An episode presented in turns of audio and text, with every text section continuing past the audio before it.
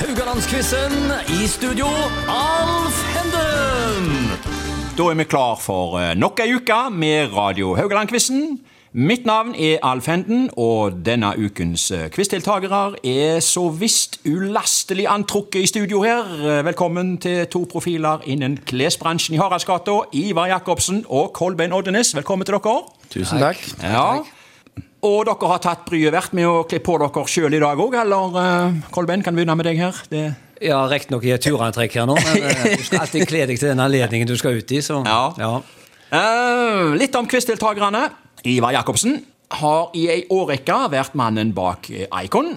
Han har òg vært primusmotor og med solid jerngrep styrt folkefesten Ironman i Haugesund. Kolbjørn Odnes er mister Windsor, og når han ikke kledde opp folk i klesbutikken, så var han fotballspiller i Vard på 1970- og 80-tallet. Der var han eh, forsvarsbauta i et lag som i en periode gikk fra å være verd til å bli superverd. Var ikke det litt av en eh, introduksjon her, eh, Kolben? Du var fornøyd med den? Ja da, det stemmer alt dette. Ivar, det stemte med deg òg. Det var helt korrekt. Ja, Vi kommer litt eh, tilbake til forskjellig her med duellantene. Jeg må si litt om quizens konsept og regler her, eh, til lytterne da. Det er en duell mellom to deltakere som skal konkurrere mot hverandre hver dag, dvs. Si fem ganger i uka. Vi har nytt tema hver dag med fire spørsmål. Begge deltakerne vil bli stilt eh, to spørsmål. Svarer deltakeren rett, gir det ett poeng. Er svaret feil, går poenget over til motstanderen. Og mot slutten av uka så kårer vi en sammenlagt vinner. Det var det, og da går vi på tema én. Og flaks for dere, gutter, det er klesbransjen. Juhu. Det er bra. Før vi går over på selve spørsmålene, vi må si litt om deres inntreden i bransjen. Ivar, jeg begynner med deg. Ja, nei, Jeg er jo arvelig belasta. Foreldrene mine drev tekstilbutikk i over 50 år. Ja. Så eh, det var jo ikke noe bevisst valg. Men eh, Ja. når jeg da fant ut at tiden var inne for å etablere noe for seg sjøl, så var det jo tekstilbransjen jeg hadde begynt å jobbe i. Og Ja. da begynte jeg for meg sjøl. Mm. Kolbein? Helt tilfeldig. Var, eh, Har jo vært kamerat med Jon Gilbert Helgeland da. Ok. Var jo en del hjemme der hos deg. for Vi bodde jo ikke så langt ifra hverandre. Nei. Og det var da han eh, far sjøl, Gilbert Helgeland, da, så Ja. spurte meg rett og slett om jeg kunne tenke meg å begynne. Ja. Og det var min inntreden i, i, i klesbransjen. Og der ble du. Det kan du vel kanskje trygt si. Ja. Ja. Ja, eh, hva er det beste med selve yrket og det å selge nettopp klær, Ivar? Ja, det er en eh, veldig veldig levende hverdag. Det er ingen dager som er like. Og Nei. du er i en relativt ung tenkende bransje, som gjør at du òg har en ung tenkemåte etter hvert som en blir eldre sjøl. Kolbein? Hva var det største øyeblikk når du Nei, du treffer jo utrolig mange mennesker. Ja. Du treffer de i alle faser i livet. Ja. Og Windsor var jo en butikk som eh, jo hadde fra A til Å. Ja. Selv om vi gjerne ble voksnere og voksnere etter som årene gikk. Ja.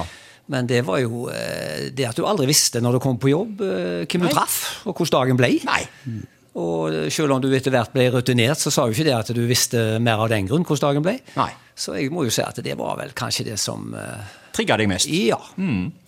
Jeg må innom et uttrykk her som jeg alltid har hørt, nemlig 'det koster skjorta'. Altså, det ligger bak her at det er dyrt, men er det ikke sånn at vi får ei fin skjorte til 200 kroner omtrent, Ivar? Eller? Eh, det tror jeg nok ikke du gjør. Nei, det var fordi litt, det var litt for lite. Du Ok. bomma nok litt der, ja. Ja. Du hadde ikke fått poeng for den. Nei, ok, hva må du opp i da?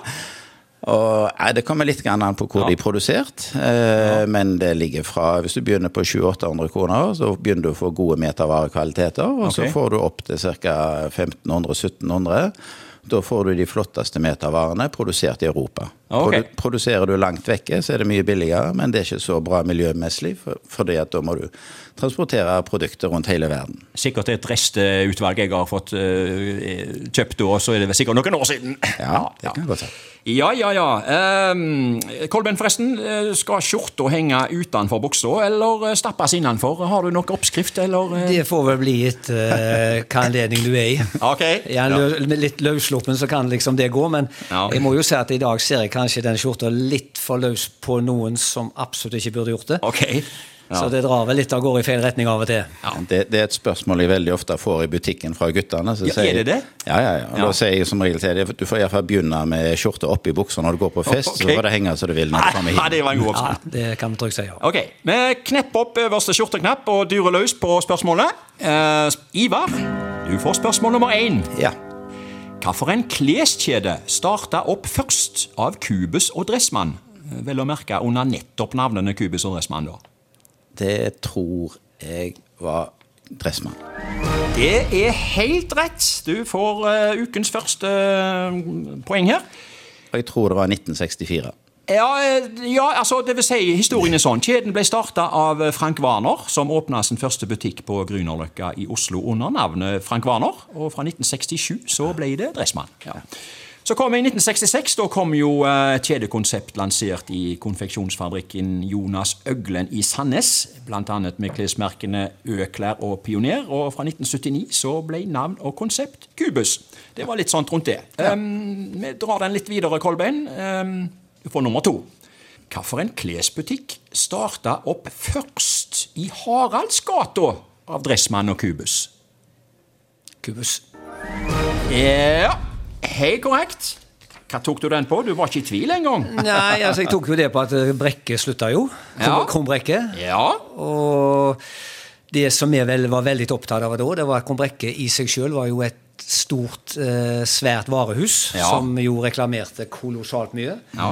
Og dro jo f- masse folk til byen, som alle de andre butikkene fikk glede av òg. Mm. Og så var det det da, når de skulle slutte, at hvem kommer inn her og overtar disse lokalene? Og så kom jo Kubus. det stemmer. Det var i 1981. Ja. Og så kom Dressmann eh, I først i dette 1988. huset her.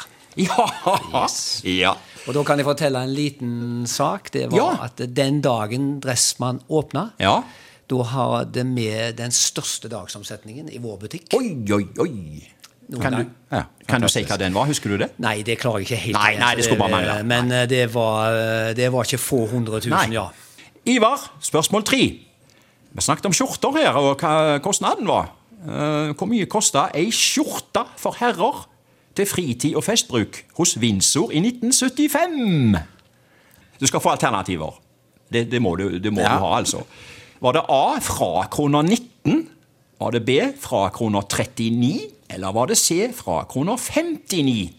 Nå sitter Kolben her og vurderer svarene, han òg, men eh, Jeg tror det var C fra 59. Nei, det var feil. Hva skal vi korrigere han til her, eh, Kolben? Nei, Jeg vet ikke om jeg var helt med på spørsmålet.